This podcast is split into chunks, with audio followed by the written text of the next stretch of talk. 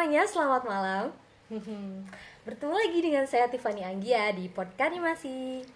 Nah, di bulan Ramadan ini yang menginjak ke hari keberapa ya, teman-teman?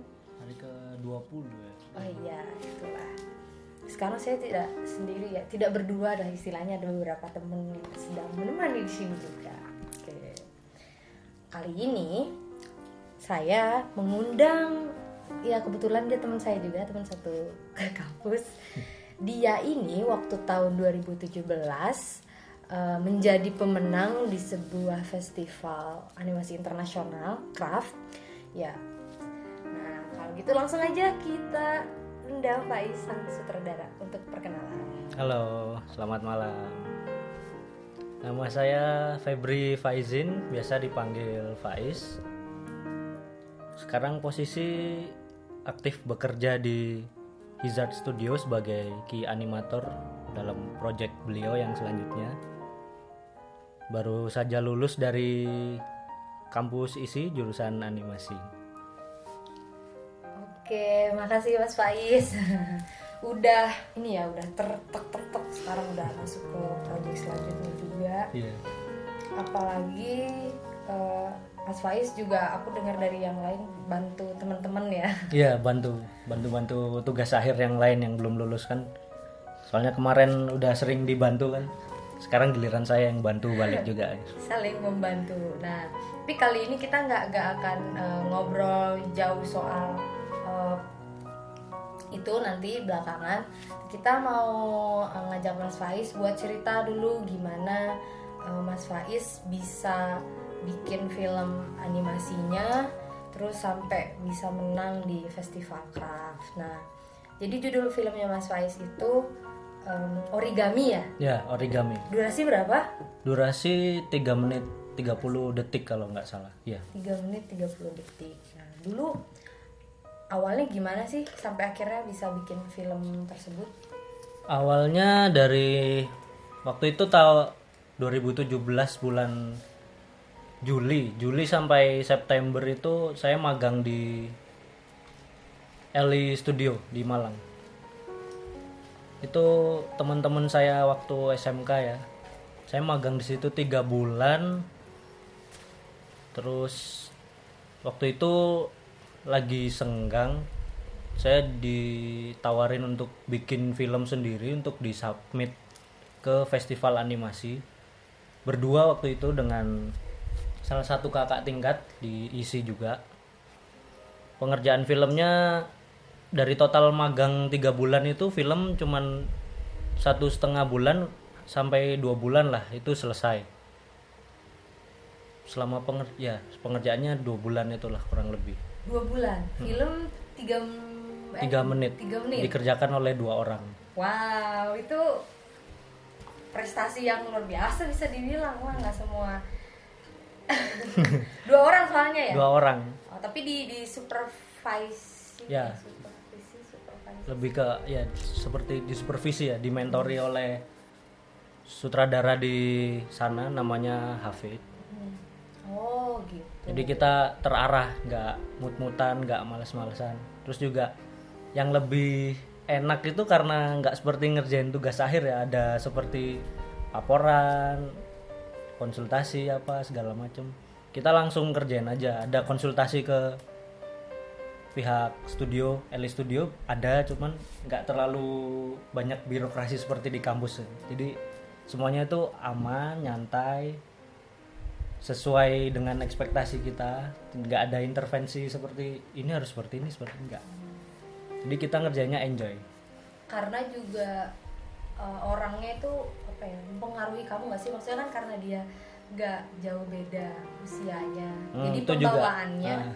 nggak nggak bikin kamu merasa tertekan gitu loh. Iya iya. Karena emang seumuran ya jadi bahasanya nyantai. Terus kita nggak nggak bener-bener formal banget. Bahasanya nyantai. Terus kita juga sama-sama paham kan maunya apa Oke, cuplikan dari origami segitu dulu ya. Tapi nih sebelum akhirnya bisa masuk ke apa kuliah di jurusan animasi sebelumnya Mas Faiz gimana sih akhirnya bisa kenal animasi sampai bisa sampai sekarang berjibaku di dunia animasi jauh banget itu ya.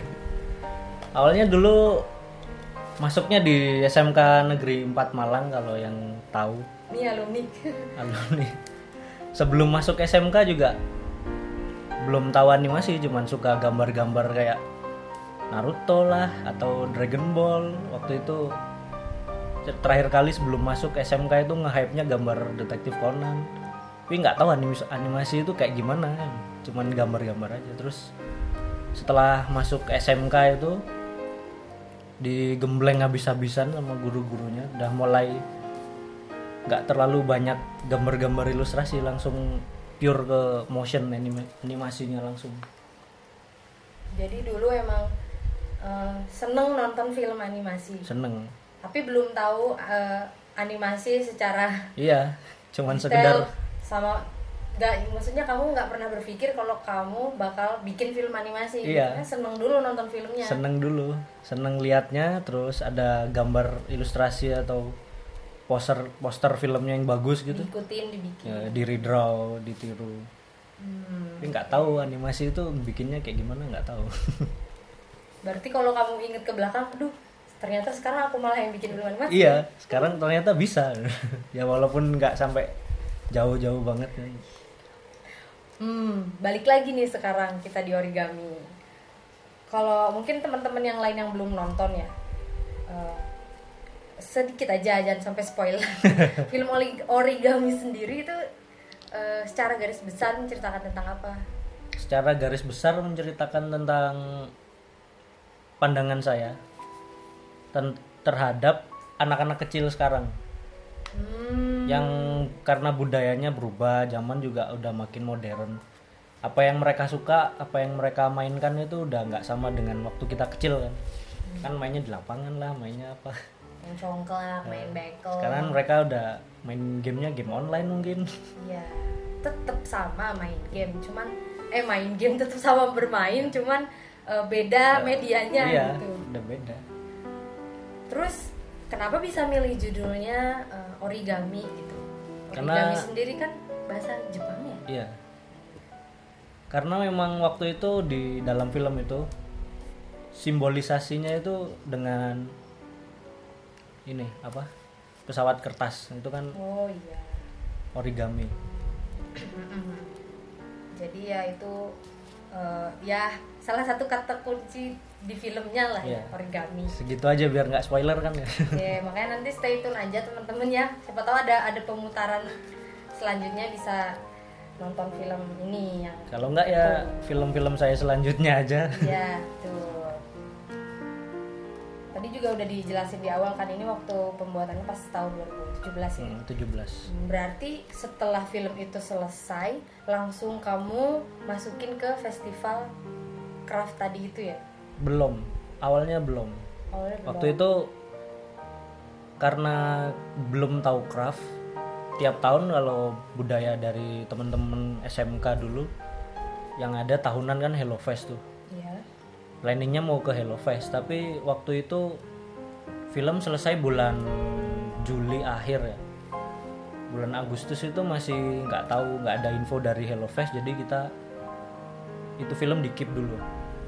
Lama dapat berapa minggu ternyata ada craft kan. Iseng aja nyoba di submit sambil nunggu kan nggak harus satu festival tertentu. Sambil nunggu info Hello Fest kita masuk ke craft submit berapa minggu kemudian seminggu mungkin dapat email kalau filmnya lolos seleksi Mhm. kategorinya film anak-anak nah itu dari situ baru Oh, kategori anak-anak itu seingatku kids mix Nah, competition iya. ya. itu juga akhirnya bukan pemenang juara satu juara dua Hmm. yang juara satu orang Itali Oh iya, tapi kan itu apa ya? Kamu di tahun yang sama, kamu baru selesai kan istilahnya kan 2017. iya Nggak lama kamu summit ya. Terus ya itu kan lingkupnya juga internasional gitu. itu kaget juga Kaget juga, tapi memotivasi kak untuk yang selanjutnya mau masuk-masukin lagi ke lumayan lain? sangat memotivasi kan setelah craft itu selesai bulan Oktober kan bulan Desember Hello Fest ternyata beneran ada itu langsung submit tapi ternyata cuman sampai official selection nggak sampai ke final Tapi udah masuk ya Udah. istilahnya. Ya itu keren juga sih. Jadi sekarang um, kira-kira udah mau dua tahun ya usia film origami. iya iya dua tahun ini 2019 ya Selain yang festival di Indonesia nih, ada dikirim ke festival lain gitu, Mas Faiz? belum pernah Oh belum pernah. Soalnya kalau saya cek lagi Mhm. kalau mau diadu sama luar terutama Eropa itu kayaknya masih nggak nyampe deh. Jadi sengaja nggak ikut terus ada planning bikin lagi sambil improve lagi biar set- kualitasnya setara sama mereka lah. Yang pasti makin semangat kan. iya. Uh, kita udah tahu prestasi-prestasi filmnya kan itu istilahnya yang baik-baiknya, yang bagus-bagusnya. Kita harus tahu nih dulu pas bikin kesulitannya di mana. kesulitannya itu mungkin karena jumlah orangnya berdua ya itu bagi tugasnya berat banget Sumber daya manusia. cuma dua orang yang satu fokus ke background kan mungkin dia saya tahu pasti dia juga capek banget tuh terus saya juga mikir dari storyboard terus ke key animationnya itu juga sendirian kan capek juga. Baru di tengah-tengah waktu clean up coloring composite editing itu bareng-bareng jadi enteng.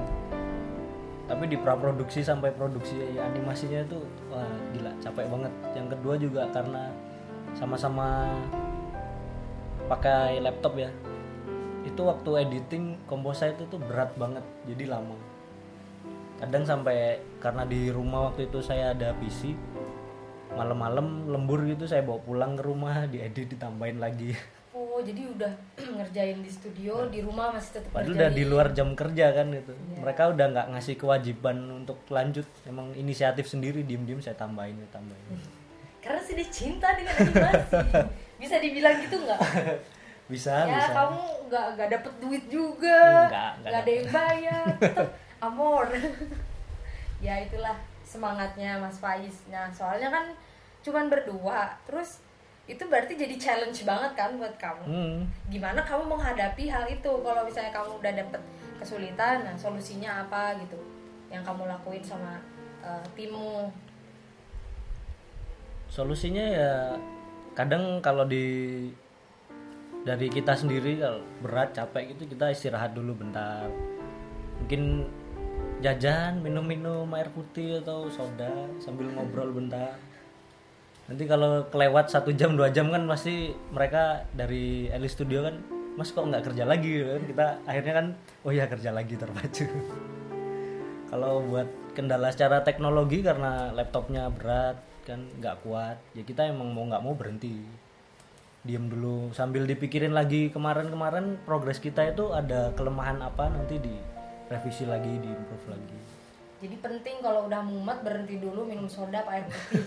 air putih sih harusnya soda nggak boleh sih ya. Nggak sehat, Tapi cuman- kalau misalnya, tapi kamu suka soda kan? suka Ya berarti kata-kata air putih bikin fokus itu kamu setuju nggak? setuju banget Oh, jadi kamu habis pusing animate, aduh, soda cuma buat seger-segeran aja langsung ngerjain lagi gitu. Iya. Jadi penting ya kita kalau udah mandek refreshing dulu. Hmm, penting banget. Kalau dipaksain Ntar moodnya hancur. nggak cuman mood juga sih. Pusing kalau saya. Kadang sampai mau muntah gitu nggak tahu kenapa. Ini beneran mau muntahis. ya itu mungkin karena mata udah minus kan tebel tuh terus lihat layar komputer berjam-jam. Itu sering pusing kayak kayak kita naik bis terus jet lag gitu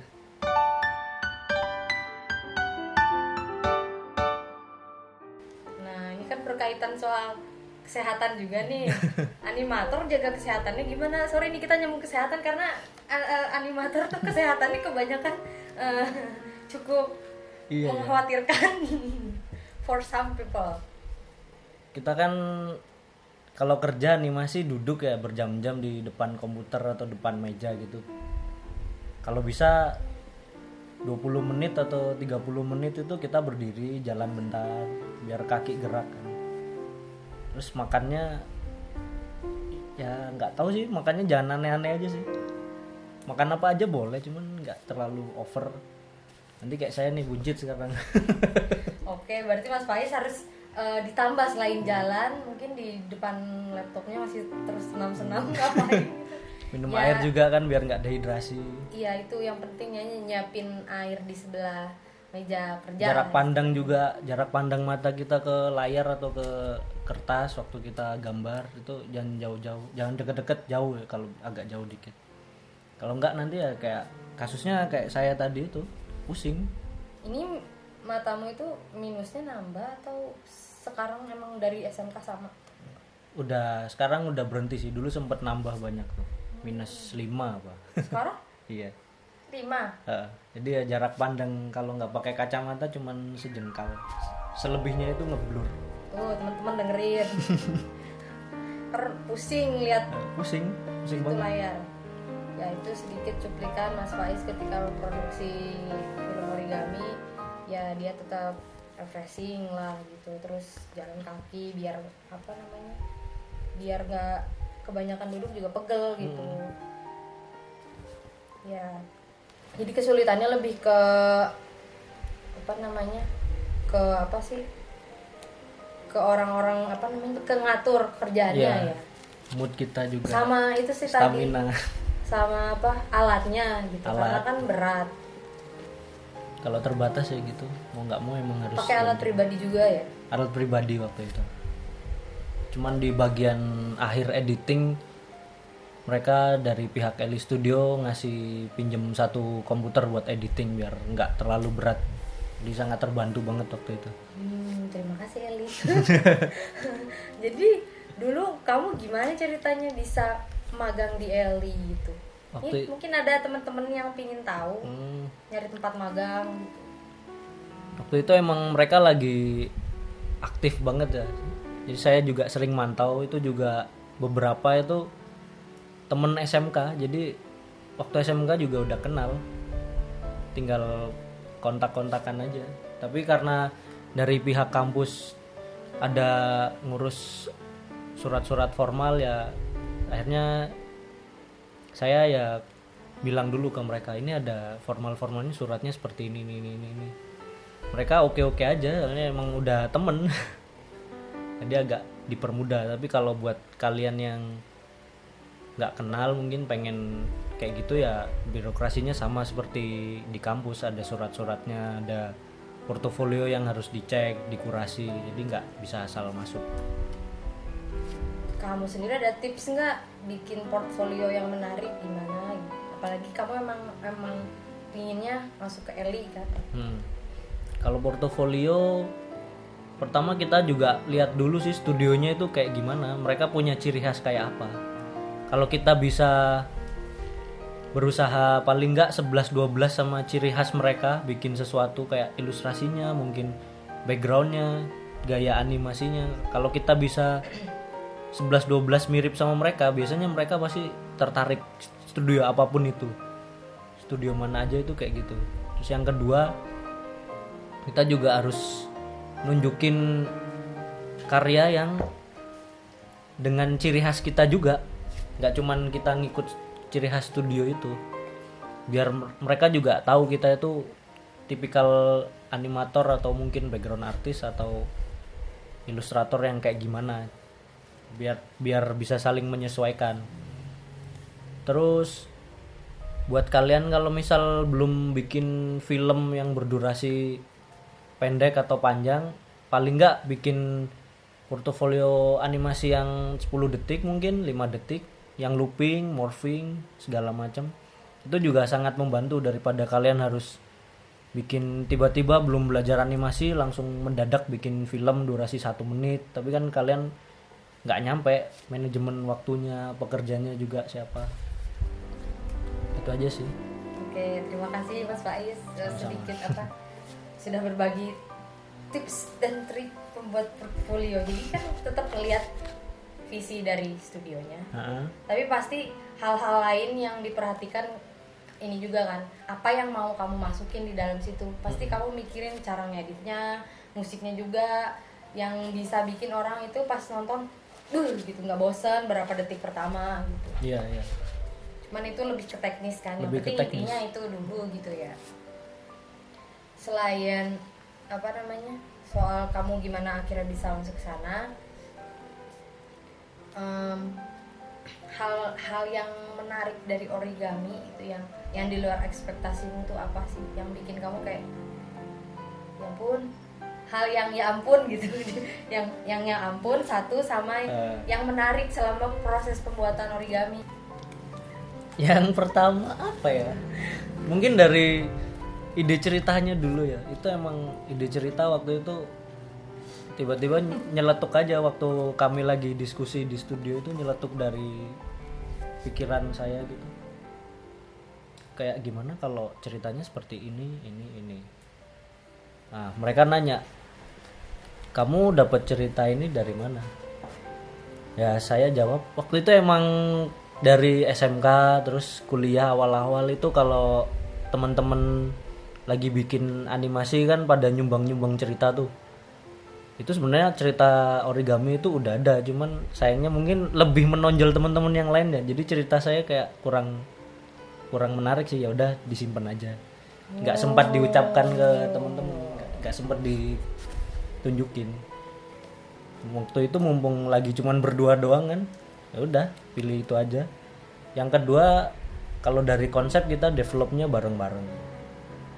Jadi enak nonton lihatnya itu saling mengkritiknya itu enak. Kalau terlalu banyak orang kadang kita nggak sampai nggak sempet denger kritik dari setiap orang kan. Ini kami cuman berdua jadi saling mengkritiknya berdua doang langsung tahu ini kurangnya apa kurangnya apa. Jadi pas nggak kelebihan nggak kurang. Terus yang ketiga itu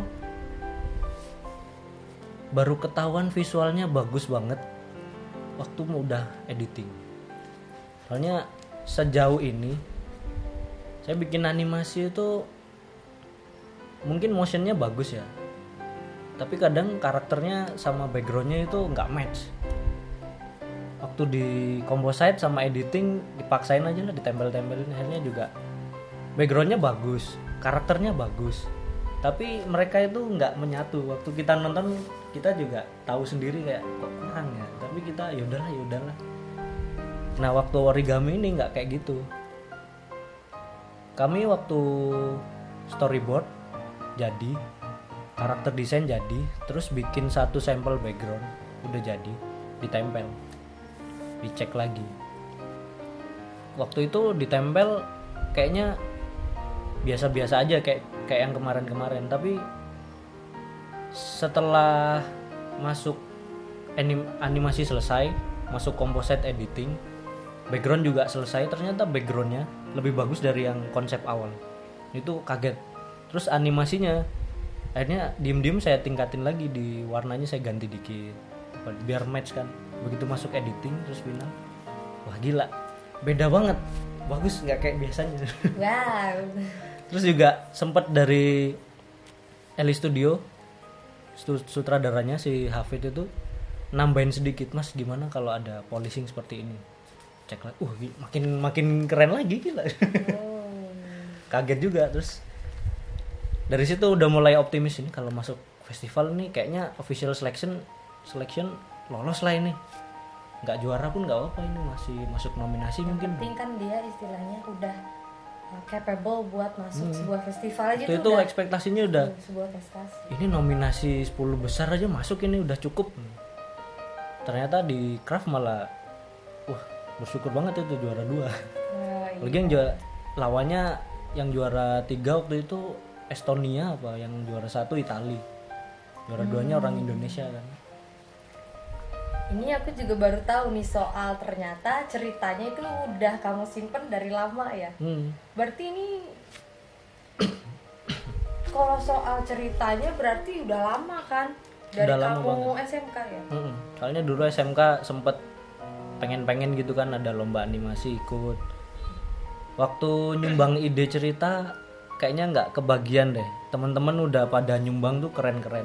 Tapi sayangnya udah keburu mau UN kan nggak jadi. Filmnya nggak jadi nggak jadi nggak jadi.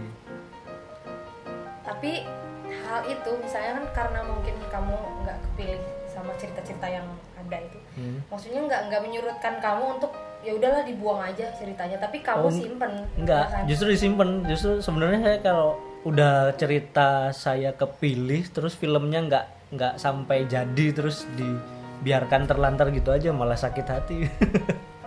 nah itu waktu kamu nyimpen ceritanya kamu simpen idenya itu kamu simpen di kepalamu aja atau kamu tulis kamu dokumentasikan itu cuma satu bulan pertama itu masih di kepala. Terus waktu mau lulus SMK itu diketik. Hmm, Itu pun pakai notepad nggak pakai apa. Asal di notepad kayak sinopsis dua paragraf udah. Ya. Itu pun filenya nggak tahu ke mana. Terus tiba-tiba waktu magang inget itu lagi kan. dapat ilham Oh iya, dulu kan pernah ada. Keluarin, habis dikeluarin, di develop bareng-bareng di studio. Malamnya, malamnya pulang saya cari lagi itu file ada nggak ada nggak. gitu. Hmm, terus ketemu Ketemu ternyata. jadi apa pun itu konsep ide cerita yang ada di kepala nggak ada salahnya di- disimpan ya Hmm, simpen baik. aja dulu karena jangan. kita nggak akan pernah tahu jalannya rezeki film itu kapan dan kamu aja nggak taunya ya itu soal timing mungkin Iya. dulu dia eh, belum belum boleh keluar dulu Hmm. terus akhirnya dia dapat kesempatan cus keluar langsung jadi deh Iya, Masuk lama juga ya. festival. Itu tahun berapa sih lulus SMK? 2015 ya. iya Jadinya baru 2017 berarti cerita itu udah kesimpan di notepad di komputer kita nggak tahu folder mana selama 2 tahun baru jadi film. ya aku eh, ini ya teman-teman aku kasih sedikit review juga ya karena aku udah nonton filmnya sebenarnya eh, aku suka ceritanya juga sih kan dia eh, anak-anak dari visualnya menarik gitu. Dan anak-anak kecil yang nonton juga pasti bisa gampang untuk eh, mencerna ceritanya. Karena targetnya emang buat anak-anak gitu. Hmm. ya aku suka sih. Itu kan respon kamu terhadap lingkungan kamu tentang eh, ah, sebetulnya ada pilihan lain untuk bermain gitu kan. Mm-mm. kita harus pinter-pinter aja ngatur eh, itu boleh gitu. Main di handphone ya kan nggak apa-apa yang penting eh, gimana kita apa mengatur waktu untuk ini gimana gimana gitu ntar kayak Mas Faiz deh matanya minus apa ada pengaruhnya juga nggak dulu waktu kecil karena apa sering eh, lihat layar komputer terlalu lama atau main handphone kebanyakan Kalau handphone enggak ya.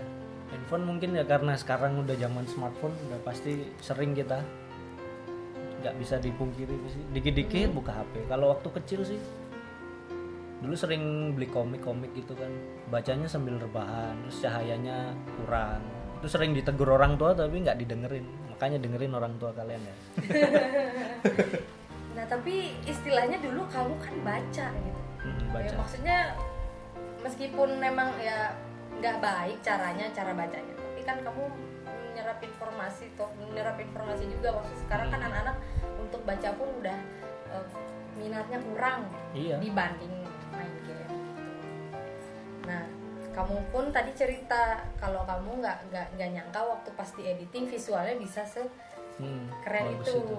Nah, ada nggak beberapa referensi film yang mempengaruhi kamu sampai akhirnya visualnya seperti itu? Kalau referensi karakter itu karena dia rambutnya dikuncir kan, cuman di atas samping cewek anak kecil gitu.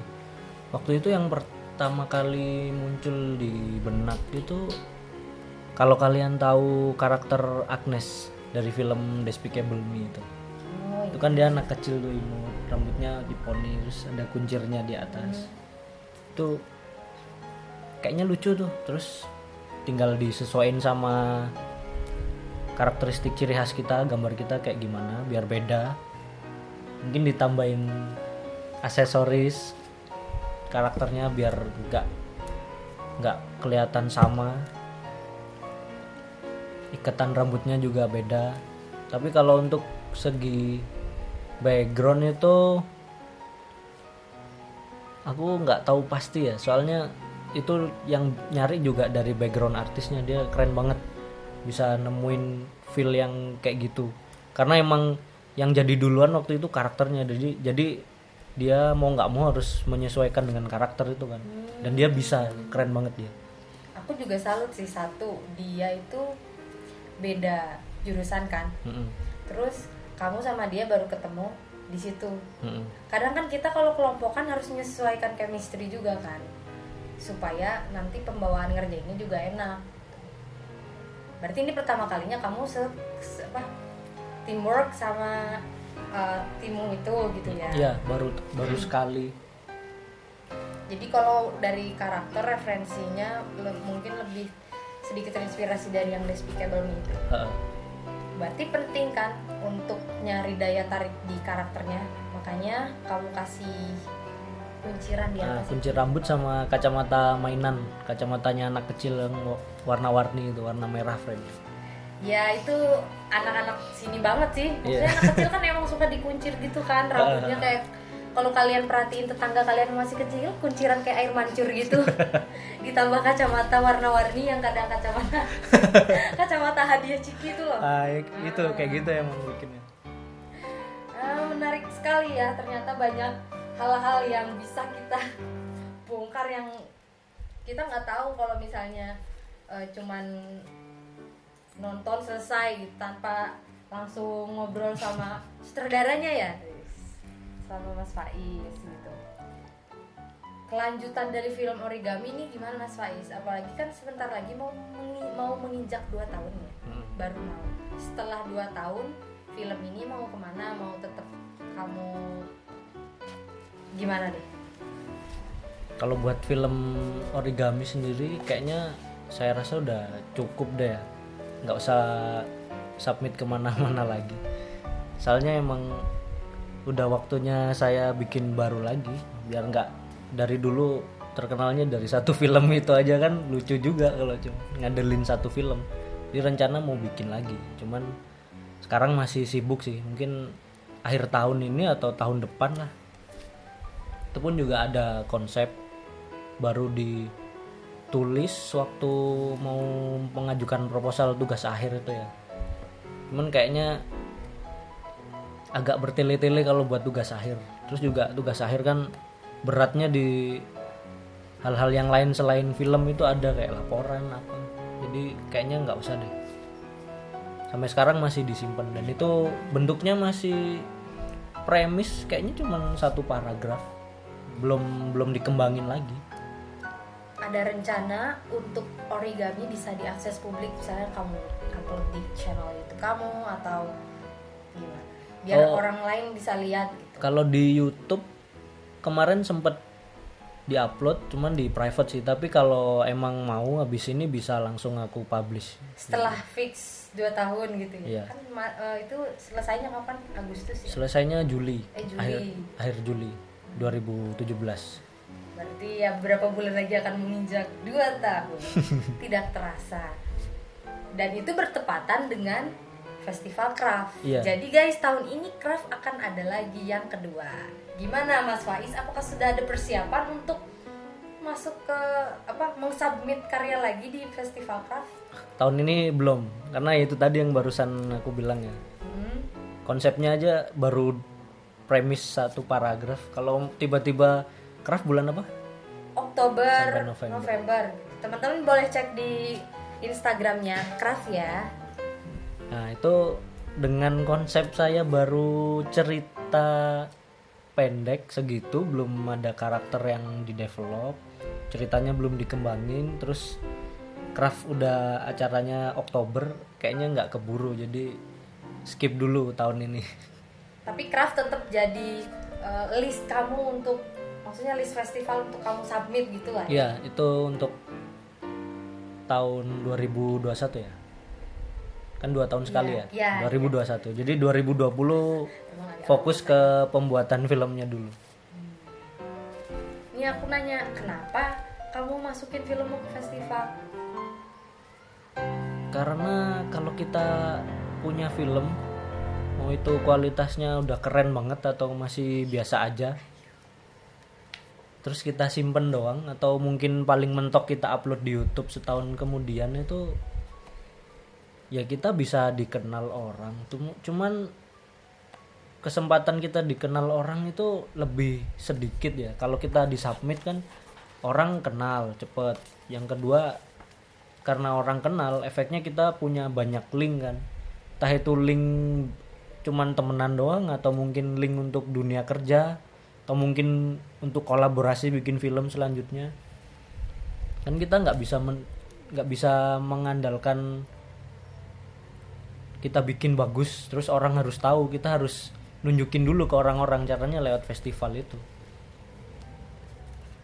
Jadi kalau bikin film kalau emang kalian ngerasa itu layak buat masuk coba disubmit. Kalau kalian masih agak minder paling mentok submit di platform seperti YouTube gitulah. Itu kan pasti banyak tuh audiensnya. Nggak ada orang sekarang nggak nonton YouTube kan nah itu kalau dapat respon positif berarti emang filmmu bagus cuman kamu agak minder aja coba disubmit juga. Itu aja sih. Siap semoga kupingnya pada panas ke trigger terus ayo bikin. Ayo submit. Nah, Mas Faiz ini kan baru aja lulus nih Ah. sebagai eh, apa istilahnya sudah jadi alumni alumni isi mungkin teman-teman Mas Faiz di sana lagi pada kekurangan nutrisi motivasi TA coba dipanas-panasin Mas. Biar mereka semangat. Ya apa ya? Mereka deadline kalau nggak salah bulan depan ya? Ingat untuk yang di mana nih? Kan Untuk yang- yang dengerin. teman-teman animasi isi Jogja angkatan 2015 yang lagi TA ingat satu bulan lagi. Yang belum TA ingat yang udah yang udah TA udah mau lulus. Yang baru masuk jadi maba ada pesannya yang nggak? baru masuk jadi maba nggak usah sok idealis lah. Nggak usah sok keren. Nanti waktu kalian TA juga gini juga. Yang penting ntar kalau punya film dah jadi nggak apa-apa beranikan dirilah untuk share submit gitu. Mas Faiz aja ini perjuangannya ternyata luar biasa. Ceritanya disimpan dulu sampai 2 tahun. Terus ketika ada waktunya ces keluar. Nah oke tadi udah ngasih pesan-pesan buat beberapa temen lah yang kenal dengan Mas Faiz. Di luar sana kan juga banyak para pendengar yang mungkin gak kenal sama Mas Faiz. Nah gimana mereka bisa eh, ngelihat karya-karya Mas Faiz? Kalau karya mungkin cuma di Instagram ya nggak ada lagi. Itu pun akhir-akhir ini jarang karena sibuk kerja kalau mau ya follow Instagram at Febri underscore Faizin. Di situ aja. Kadang aku upload ilustrasi ada jarang. Kadang animasi itu pun masih kasar. Kadang kalau belum jadi mungkin prosesnya waktu masih bikin itu di instastory ya. Di situ nggak tahu kapan jadinya ngasih lihat dulu lah ya. Hmm, tapi tahu-tahu submit film aja kan. Orang lain juga nggak nggak ada yang nanyain lagi biasanya. Mas mana yang kemarin posting? Orang kan mikirnya lihat dulu. Kok ini Instagram sepi? Emang orangnya ngapain? Kan submit film. Tenang gitu ya diam-diam aja. Gitu. ini sebelum sebelum closing nih kesan selama kamu bergabung guys di dunia animasi sampai sekarang apa is? Kesannya di awal itu kayak seru ya. Di tengah-tengah itu gila gila. Kita kayak kerja rodi. Di akhir akhir-akhir ini karena udah terbiasa ya biasa aja. Tapi ya sempat ada naik turunnya. Kalau kita terutama kalau kita nggak jaga kesehatan itu mau kita jadi animator dari tahun ini sampai 20 tahun lagi ya rasanya gila aja capek penting tuh menjaga kesehatan ya tuh teman-teman dapat pesan juga kesehatan itu penting nanti kalau sakit filmnya malah ya nggak jadi Nah, oh, serem kan? Hmm. Jadi banyak minum air putih. Ya kalau nggak belum bisa olahraga jalan kaki lah Hmm. ke warung beli soda yang nggak air putih. jangan air putih air putih sehat Ya terima kasih banyak Mas Faiz. ya sama-sama Menarik sekali cerita-ceritanya. Banyak yang saya baru tahu juga ya. nih ada ada ini terakhir nih buat para pendengar podcast animasi pesan-pesannya. pesan-pesannya apa jaga kesehatan gitu kesehatan. buat semuanya kalau buat yang bergelut di bidang animasi semangat lah kalian semua pasti keren kok. Animasi di Indonesia sekarang nggak ada yang jelek kok. Kalian, kalian semua keren cuman jangan malu aja nunjukin. Itu aja. Ya harus langsung pada semangat ya. Mas Faiz sudah memberikan nutrisi-nutrisi animasi Buat kalian semua di mana pun kalian berada. Jangan lupa jaga kesehatan. Semoga di bulan Ramadan yang berkah ini Teman-teman yang sedang mengerjakan film animasi Bisa bisa ini ya mendapatkan barokah di karya-karyanya. Amin amin. Amin. Ya semoga eh, apa, puasanya semangat ya besok-besok Hmm. bentar lagi kan nggak kerasa udah mau lebaran. Ya berapa hari lagi? Iya berapa hari lagi. Saya minta maaf ya teman-teman kalau punya salah-salah kalau terlalu receh atau gimana gitu ya. Jadi eh, untuk episode kali ini mungkin saya cukupkan ya Terima kasih banyak Mas Faiz yeah. sudah menyempatkan waktunya, sudah sama -sama. mau dikepoin sama Podkanimasi. Makasih juga udah diundang ke Podkanimasi. Wah, sama-sama gitu ya. Jadi teman-teman, sampai ketemu lagi di acara Podkanimasi selanjutnya. Bye bye.